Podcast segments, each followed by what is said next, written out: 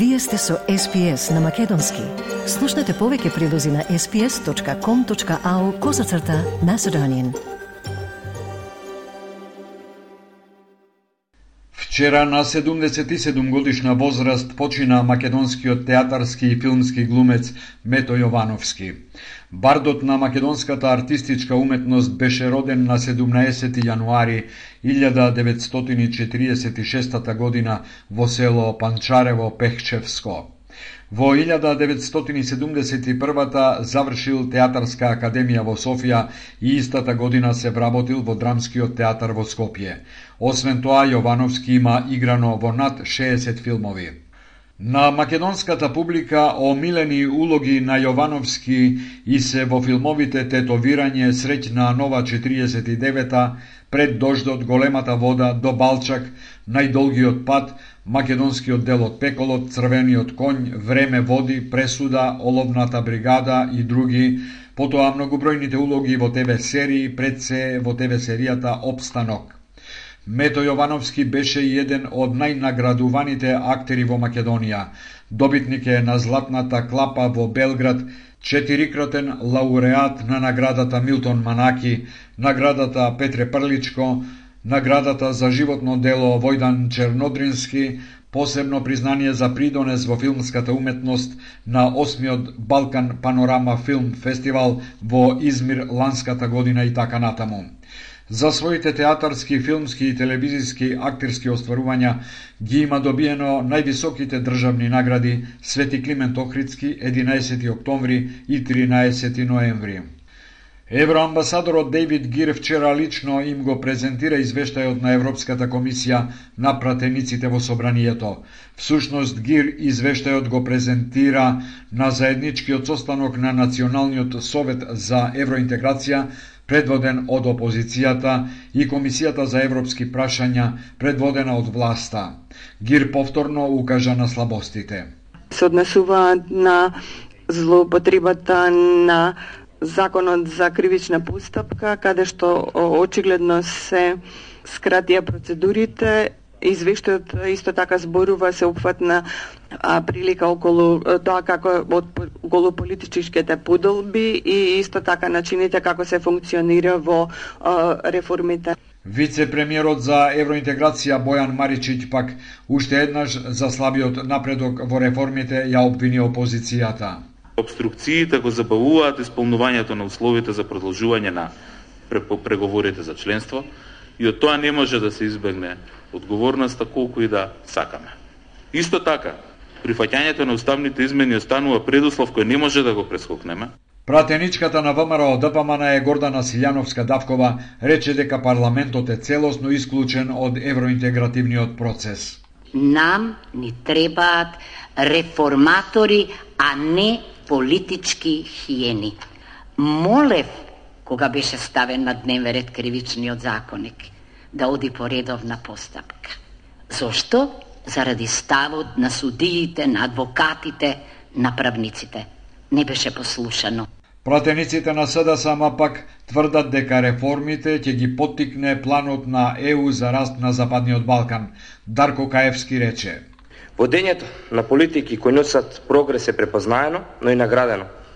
Преку планот за раст на економиите на Западен Балкан за прв пат имаме алоцирани пари за спроведување на реформите. Двете страни единствено се согласија дека зад затворени врати ќе разговараат за патоказите што ќе ги добие Македонија од Унијата за да се постигне политички консензус за нив.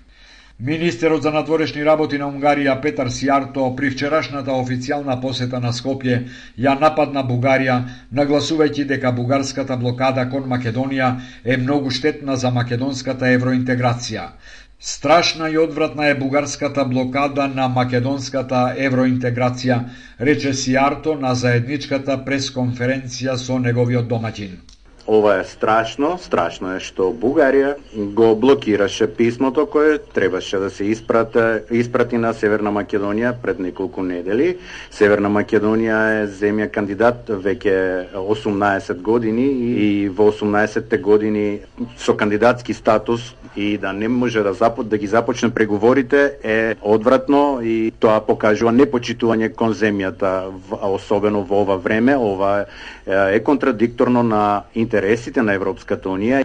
Унгарија заедно со Македонија е една од земјите на која Бугарија и воведе дополнителна такса на рускиот газ, потек што Сијарто го нарече непријателски, за кој Унгарија веќе отворила постапка во Брисел.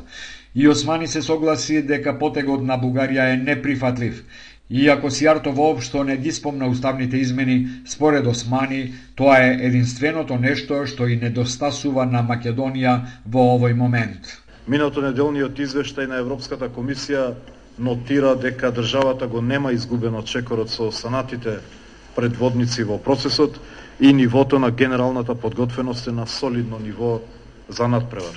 Она што недостига во моментот во оваа сложувалка за забрзување на нашето пристапување во ЕУ се уставните измени, зашто уште еднаш апелирам до опозицијата да не ја отфрла оваа единствена можност која што е пред нас.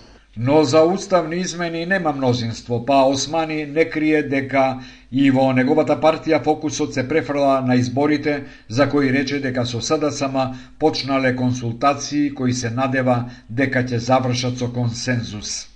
Американското Министерство за финансии ја обнови црната листа со нови лица од Македонија. Меѓу нив е и мајката на бизнисменот Орце Камчев, кој беше ставен на оваа листа на 19 јули. Останатите двајца се рускиот бизнисмен Сергеј Самсоненко и неговата сопруга Ирина. Во сообштението на Американското Министерство за финансии се вели дека Самсоненко има двојно државјанство на Русија и на Македонија. Тој, сопругата и Камчева се означени од САД поради тоа што материјално му помагале на Орце Камчев. На црната листа на САД поради корупција се уште Сашо Мијалков, Никола Груевски и Рамис Мерко. Поради тоа целиот имот и интереси на овие лица во САД или во собственост или контрола на лица од САД се блокирани. Забранети се сите трансакции на лица од САД со овие лица или нивни имоти и интереси.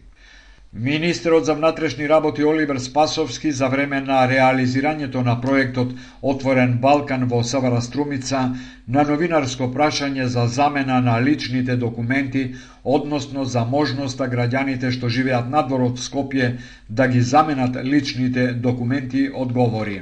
Нема ниту еден граѓанин, ниту да добие казна, ниту пак да биде ускратен за остварување на било кое право во државата. Во сите градови надвор од Скопје веќе се работи без закажување. Значи таму можат сите граѓани кои што ќе дојдат и ќе се пријават да бидат и услужени. Спасовски информира дека над 80 насто од граѓаните од внатрешноста направиле замена на личните документи. Денеска Македонија и Србија ќе подпишат меморандум за изградба на брза пруга од Ниш до Скопје, зашто двете земји заеднички ќе побараат средства од Европската Унија. Ова вчера го соопшти српскиот министер за транспорт Горан Весич за белградските медиуми. Меморандумот од македонската страна ќе го подпише министерот Благој Бочварски.